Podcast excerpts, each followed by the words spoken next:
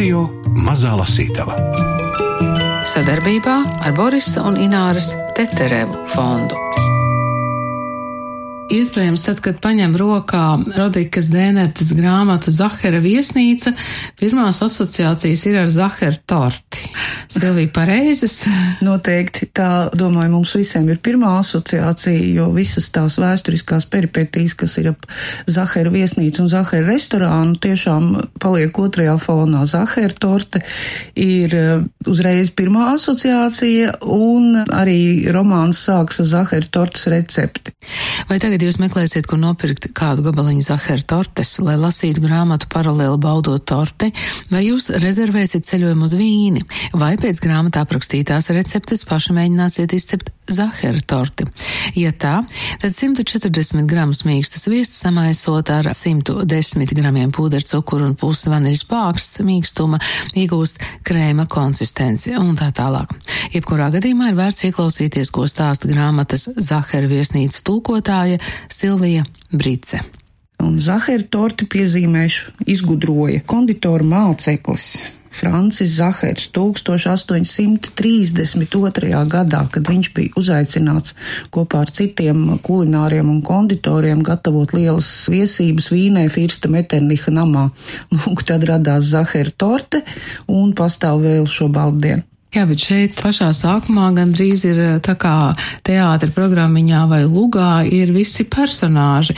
Tie personāži ir pilnīgi izdomāti, vai tur kāds ir arī īsts, to grūti eh, pateikt? Protams, Anna Zahera pati ir visīstākā vēsturiskā persona, un uh, tieši tas man, piemēram, valdzināja šajā romānā, ka tas balstās uz vēstures faktiem, un ka izlasot šo grāmatu, var uzzināt, kas tur īsti ir ar to Zahera torti un Zahera viesnīcu.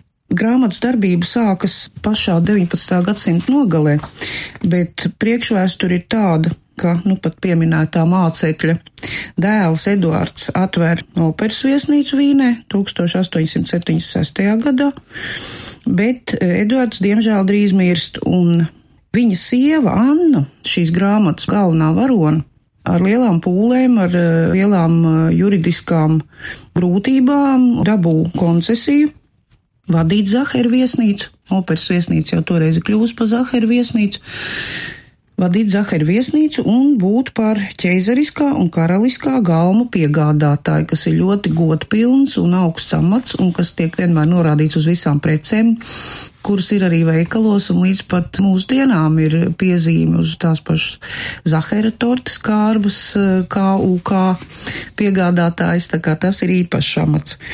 Un e, Zahers Annas vadībā ļoti strauji kļūst par vīnas elites tikšanās vietu.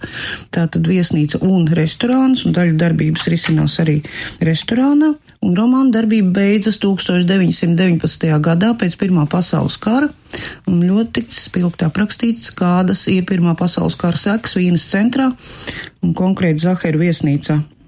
Vēl es gribētu piezīmēt, ka Anna nomirst 1930. gadā, 71 gadu vecumā, un kopš tā laika, kopš 34. gada, viesnīcu vada cita ģimene. Tātad Zaheru laikmets beidzies, bet Zaheru vārds ir palicis. Vai šis bija tas gadījums, kad jūs braucāt uz Vīni, skatīties tās vietas, jo tur ir arī Vīnas opera, pilnīgi mistiskā sakarībā? Jā, nu vīni es pazīstu pietiekami labi, jo man ir bijusi tā laime tur pavadīt vairākus mēnešus, un es ļoti labi pazīstu tieši vēsturisko centru ar visu vīnas operu un ar visu šo fonu, kas ir aprakstīts romānā. Tās mazās ieliņas ap operu, kur tiek nolaupīta romāna sākumā mazā Marija Štādlere, tūkojot vai lasot, es pilnībā spēja iztēloties, kā tas ir bijis tajos laikos, kad vēl visu kurina roglēm un tā tālāk, un kā viņi tā varēja pazust, un kādā veidā viņi no mazas šķērsēliņas varēja nonākt operas pagrabos, kas turpat pāri ielai vien ir. Tas tā patiešām ir iespēja. Jā, tas ir reāli, tas ir pilnīgi realistiski aprakstīts, gan tas pagrabs, gan tās vietas, kur risinās darbība. Jā, tā kā varbūt tas bija egoistiski, bet es šo grāmatu arī daļai izraudzījos, tāpēc, ka man ļoti patika tas, ka es pazīstu vidi, un tāda līdzīga grāmata, tādā nozīmē līdzīga, ka balstīta uz vēsturiskiem notikumiem par vīni 19. gadsimta beigās, 20. sākumā, iznāca apgādā zvaigzne ABC pirms kādiem 15 gadiem. Autors ir Ernsts Lotārs, grāmatas nosaukums ir Eņģelis ar bazūni. Tā ir tikpat brīnišķīgi lasām grāmata un ar krietni biezāku vēsturisko fonu reālo. Un šeit beigās ir arī vēstures kronika, tā kā ir pietiekami skaidrs, ka gan ķēzeriskās ģimenes kolīzijas, gan Eiropas kolīzijas, tur tajā Zahera ēdamistabā vai restorānā Jā. arī lielā mērā atskan, vai ne? Noteikti, noteikti tās viesu sarunas un tā Maierlingas dubult pašnāvība un tas viss tiek pārunāts Zahera restorānā. Vēl es gribētu piebilst, ka grāmatā darbojas arī autors izdomāt tēlu pats par sevi saprotams. Un Zahara viesnīcā sastopas divas jaunas ģimenes. Tie ir princis un princese von Traunsteini. Bet tie ir izdomāti. Tie ir izdomāti, jā. Un Maksimilians un Marta Āderholdi, kuri ir nodibinājuši mazu grāmatu izdevniecību, un visi sastopas nejauši Zahara viesnīcā. Un tam, protams, ir dramatiskas sekas, un uh, romāns sižets jau ir ļoti skaisti sazarots. Nu, mums ir pievienojies Gunārs Āboliņš. Čau! Čau! Prieks tevi redzēt! Mūsu studijā pievienojoties Gundaram Āboliņam, var arī turpināt lasīt Zahara Tortes oriģinālo recepti. Tātad pakāpeniski pieauc sešus olu dzeltenumus un visu sakuļ biezi putainā masā. Tā ir pievienot 130 gramus tumšās šokolādes, kas tikmēr izkausēta ūdens peldē. Sešus olu baltumus ar 110 gramiem cukuru sakuļ tik stingrās putās, ka tās var griezt ar nāzi. Olbaltumu putas liek uz krēma masas, virsū uzsijā 140 gramus miltu un ar koka karoti iecilā masā. Bet mēs turpinām trietā. Silvija Brīcinga, Vilds Trautmane un Gondars Āboliņš.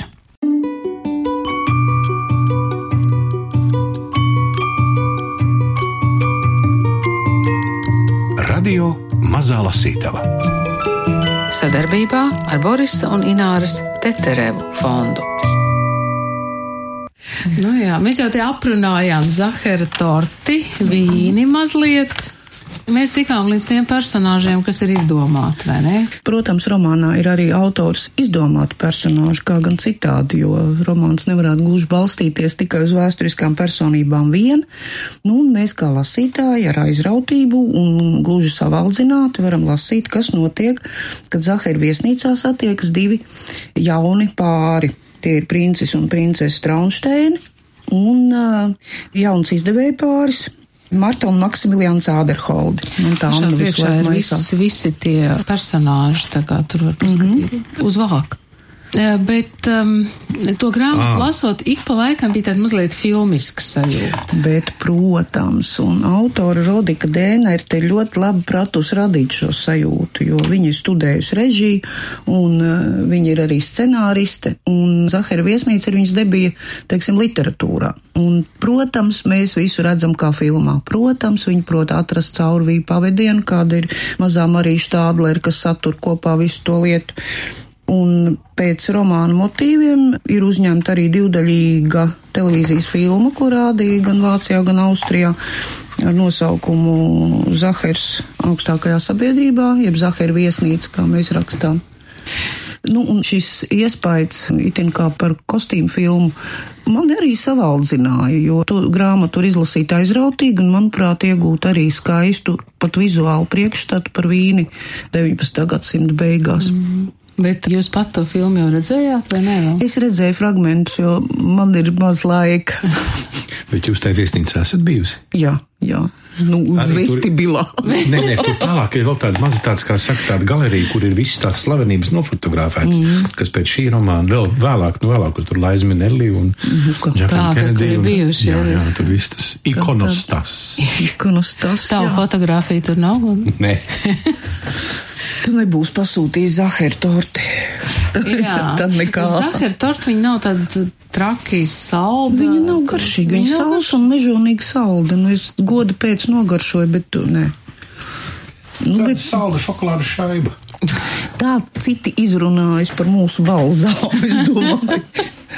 Kā viņi to var Kā dzert? viņi, cik tas nav dzirdēts, ak, Dievs, jā, jā. no vāciešiem. Jā. Nu, jā. Tad, kad ir slūžas vaļā, tad nevar Tad ir apstāt. viena- Jā, Vienalga. tu izņem vārdus no mutes. Un tad nepaiet ne desmit gadi, kad viņi jau ir pieraduši un prasa, kad tu nākamreiz atvedīs balzām. Nu, es vispār dažas vietas atzīmēju, varbūt, ka to vari palasīt. Jā, nu, piemēram, ceturtā vieta. Marta un Maksimilians Āderholdi, jaunie izdevēji no Berlīnes, sēdēja pie brokastīm. Marta ēda ar apetīti. Maksimilians šajā rītā bija pamodies ar grūtībām un labprāt būtu palicis gultā ilgāk. Taču abiem bija jāsteidzas uz Grīnštaidla kafejnīcu, kas atradās tikai piecu minūšu gājiena attālumā. Tur bija norunāta tikšanās ar slavenāko vīnas dzinieku Hermanu Bāru. Maksimilians jūsmoja par bāra recenzijām un rakstiem. Abi cerēja saņemt padomus, kas palīdzētu izdevēju darbā, un vēlējās nodrošināties ar bāra atbalstu, lai pierunātu jaunus rakstniekus publicēt savus sacerējumus Āderholda apgādā. Raugoties no Berlīnes, Habsburgu impērijas galvaspilsēta mirdzēja mākslinieciskas individualitātes gaismā. Visi literāti, gleznotāji un arhitekti bija jauni, ne vecāki par 30 gadiem. Šie mākslinieki bija kā meklētāji, jau apguvuši visaugstākās amata prasmes. Tāda bija Maksimiliāna jūsmīgā analīze, un viņa jūsma aizrāva arī Martu. Naktsnīgajās pastaigās pa Berlīnas tīrgārtenu abi bija nolēmuši, ka izdevēja darbībā atteiksies no jebkādiem ierobežojumiem. Viņi gribēja paust modernās pasaules garu, būt brīvi savā mākslinieckajā gaumē, palūkot, kurp viņus vedinās noslieces un talanti. Marta un Maksimilians bija iepazinušies pirms krietna pusgada Berlīnē, Friedriča Vilhelma Universitātes lasītavā, kur Marta smēlās no grāmatām to, ka viņai kā sievietei bija liekts studēt universitātes auditorijās. Marta no pirmā skatiena savaldzināja šis vīrietis ar gaišajām acīm. Tomēr viņai pietika pacietības nogaidīt, līdz Maksimilians uzaicinās viņu uz pastaigu. Pasituši padusē grāmatas, abi nesteidzīgi suļoja pa Unterden Linden alei līdz Brandenburgas vārtiem un tālāk uz Tirgartenu. Maksimilians stāstīja par pašas atcerētajiem tekstiem un apsolīja nākamajā dienā dažus atnest līdzi. Abi vēl un vēlreiz izstaigāja visas līkumotās takas līdz satumsa vakars. Tad Marta sēdās ormanī un brauc mājās. Marta Grīnsteina bija pamatusi tēva mājas brēmnē. Viņa vilināja Berlīne, nelaiķis māca dzimtā pilsēta. Arturs Grīnsteins labprāt novēlēja meitai to laiku, ko viņa vēl varēja pavadīt bez laulības un ģimenes pienākumiem, jo viņš nešaubījās, ka sameklēs meitai tādu vīru, kurš būs piemērots mantinieks viņa importa tirdzniecības uzņēmumam.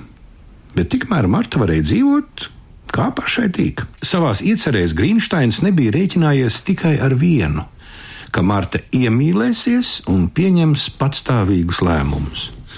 Martu nemocīja sirdsapziņa, kopā ar Maksimiliānu plānojot abu kopīgo nākotni. Viņa jūta, ka dzīve līdzās šim apdāvinātajam vīrietim iegūst jēgu. Tēvs, tirgodamies ar aizjūras precēm, bija ticis pie bagātības, un lielākā šīs bagātības daļa nāca pūrā Martai. Pietiekami, lai nodibinātu apgādu un dzīvotu itin turīgi, līdz šī nauda nesīs augļus. Kad Marta bija izlasījusi visus Maksimiliāna nepabeigtos tekstus un izteikusies par tiem kritiski un atzinīgi, viņš jūta, ka šī meitene, trīs gadus vecāka par pašu, ir viņu ieraudzījusi un saprot. Marta, kura parasti rīkojās tik prātīgi un plānveidīgi, centās nedomāt par iespējamo tēva vilšanos. Tēvam taču bija savs uzņēmums. Tāpat kā viņš jaunībā bija nodibinājis to, arī Marta tagad gribēja dibināt savējo. Piedāvām tēvs bija pie lieliskas veselības. Viņš varēja pats īstenot visas savas ieceres, nevis nodot veikalu uz notam, kurš varbūt nebūtu tik izmanīgs tirgotājs. Maksimiliāns nepavisam nederēja veikalu lietām. To Marta bija saskatījusi drīz. Tikmēr tēvam vajadzēja bez liekiem sirdsapziņas pārmetumiem lūkot pēc kāda maksāt spējīga pēcteča. Ja vien viņš vispār gribēja uzticēt savu uzņēmumu kādam citam. Tātad Marta bija izstrādājusi rīcības plānu un pati radīja faktus, iekams iecerē varēja sagraut kādi aizspriedumi, uzskatu maiņa vai tēva iejaukšanās. Protestants Maksimilians un ebrejiete Marta salauzās dzimšanas kancelējā. Nedz vienai, nedz otrai ticībai netika lemta nekāda loma viņu dzīvē. Modē nu pat bija nācis ateisma jēdziens. Nē, abi nejūtās kā bezdievi. Gluži otrādi viņi gribēja dot telpu tam dievišķajam, ko viņu skatījumā vislabāk atspoguļoja māksla. Tā nu viņi pēc salauzšanās devās uz vīni, lai veidotu saikni ar kaut ko tādu, kam vēl nebija nedz veidola, nedz satura, un kas pastāvēja tikai kā nojausma. Apmēram šādi to visu Marta izskaidroja arī tēvam garā vēstulē, ko uzrakstīja vilciena kupijā tūdaļ pēc dzelzceļa stacijas atstāšanas un nosūtīja no Dresdenes. Noliekot pastā uz letes naudu par pastmarku, viņus sāka mocīt sirdsapziņa. Un tagad, šajā pirmajā rītā, vīne tinās miglā. Viss likās stīgrs un necaurredzams. Skaists vārds - stīgrs. Yes, sir. Tas ir Silvija jaunu vārds. Nē, nē, nē, tas ir vecs vārds. Nopietni? Tas ir vecs, tāds kā, tā kā sīrups, te arī tikai vēl varam- biezāks, nu, stīgrs. Jā. Un tas Hermans Bārs arī reāls. Bet tāds izdevēja pāris. Nē, nē. Tāds nav bijis, vai ne? Ah, 39. nodaļa. Bija pagājuši 14 gadi. Zahara torte pieder manam namam. Anna paziņoja, ienākdama savā birojā. Tur gaidīja Šusters seniors kopā ar ģimenes advokātu. Anna ļāva, lai abi kungi noskūpst viņai roku un apsēdās pie rakstām galda. Edvards, nebilstams man ne vārda, atver kafejnīcu pārsimt metru attālumā no šejienes un nolaupa tortētās ekskluzīvo statusu. Viņi abi vienādi sauc, tāpēc Ah. jau šitā ir tas dēls, ir tas nešpatnējs, kas viņai Jā. tur. Tavs dēls nedara neko netaisnu, Anna Šusters lūkoja viņu nomierināt. Nu tad gādājiet, lai šāda rīcība tiek pasludināta par netaisnu. Zahara torte tiek pārdota vienīgi pie manis. Anna uzmeta mudinošu skatienu advokātam. Tas noklapojās. Varbūt vispirms varētu padomāt par strīdīgā jautājuma nokārtošanu, par vienošanos ģimenes lokā, kur pats par sevi saprotams es būtu jums blakus un palīdzētu cienītā kundze. Advokāts paskatījās uz Šusteru. Tas mēģināja noskaņot Annu piekāpīgāk. Redzi, Anna, izcelsies liels troksnis, ja tu sāksi tiesāties ar dēlu. Šusters pasniedz viņai uguni. Pilsētā neatradīsies neviens, kurš dotu priekšroku Eduarda kafejnīcai nevis tavam Zaheram. Jā, slikti gan. Tad viņam nebūs klientu. Anna ievilka pirmos cigāru dūmus. Runa ir par principu, Jūlijus. Eduards vienmēr ir oponējis un tagad mēģina trāpīt man vārīgā vietā. Viņa cieši bija apņēmusies iesūdzēt dēlu tiesā, un arī šajā pēcpusdienā nedomāja piekāpties. Es paļaujos uz jums, viņa palika nelokāma, atvadoties no advokāta. Tas, promējot, raidīja Šusteram pēdējo skatienu, kurā vidēji lūgums vest Annu Zaheri pie prāta. Tad durvis aiz viņa aizvērās. Anna pievērsās Šusteram. Mana Annija nu gan nebūtu tā rīkojusies. Vai zini, ko viņa reiz pateica? Vēl bērns būdama. Māmu, es gribētu vienmēr palikt pie tevis. Anna Zaheri aizkustināti paraudzījās uz meitas fotografiju. Un nu jau pagājis vairāk par 12 gadiem, kopš viņa mirusi. Izvēlējās nāvi, nevis dzīvi. Tāpat kā viņas tēvs. Anna ar mežģīņu mutautiņu noslaucīja pirkstu nospiedumu uz fotografijas ietvara. Vai tev ir kādas ziņas no mūsu mazbērniem Silēzijā? Kopš nomirusi tava sieva, mēs abi tikpat kā neko nedzirdam no tava juniora. Vecākajai šodien ir iesvētības, Šusters atbildēja. Ā, ko tu neteiksi? Anna piecēlās, piegāja pie bufetes un ielēja šeriju. Abi pacēla glāzes. Pie manis jau mazbērni nedrīkst braukt. Annija būs sastāstījusi pārāk daudz slikta par Zaharu viesnīcu. Un jaunajai mātei tas laikam arī nav paprātam. Anna sūrojās. Vai tad tu būtu gribējusi piedalīties iesvētībās? Kur nu Jūlijus? Es taču nevaru pamest viesnīcu. Nu, piedāvām vēl tagad, kad Eduards viņa nepabeidza teikumu. Es labprāt parunātu vienu biezu vārdu ar tavu dēlu, lai nāk un darbojas tepat viesnīcā. Reiz tev būs vajadzīgs pēcnieks, Anna. Viņš varētu izmēģināt spēkus jau tagad, bet tak ne Eduards. Šī doma iedvesa Annai šausmas. Šusters nopūtās. Ar regulāriem starplaikiem viņš centās mazināt pretišķības starp māti un dēlu. Ar tikpat regulāriem starplaikiem saņēma kurvīti. Anna piecēlās un nogludināja kleitu, piecēlās arī šusters. Tagad abi jau vairāk nekā 20 gadus bija pāris, un viņš zināja, ka Anna grib atgriezties pie darba. Viņš noskūpstīja Annai rokas. Vai tu domā par mūsu dienu?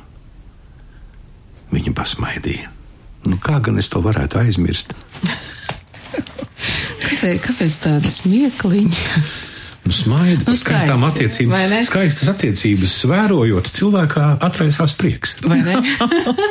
Atraisīta prieka noskaņojumā turpinājums Zahara tortes receptei. Veidni ar noņemamu sānu daļu izklāja ar cepam papīru, malu ietauko ar sviestu un nobārst ar miltiem. Masu ielai veidnē, nolīdzina un nepilnu stundu cep cepeškrāsnī, kas iepriekš uzkarsēt līdz 170 grādiem. Par pārējiem tortes cepšanas un glazēšanas smalkumiem, par vīna skaistlībām un viesnīcas intrigām varat lasīt Rodikas Dēnetes grāmatā Zahara viesnīca. No vācu valodas tulkojusi Silvija Brice, izdevusi Zvaigzne ABC.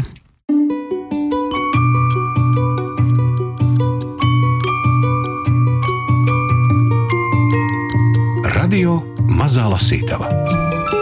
Sadarbībā ar Borisa un Ināras Teterevu fondu.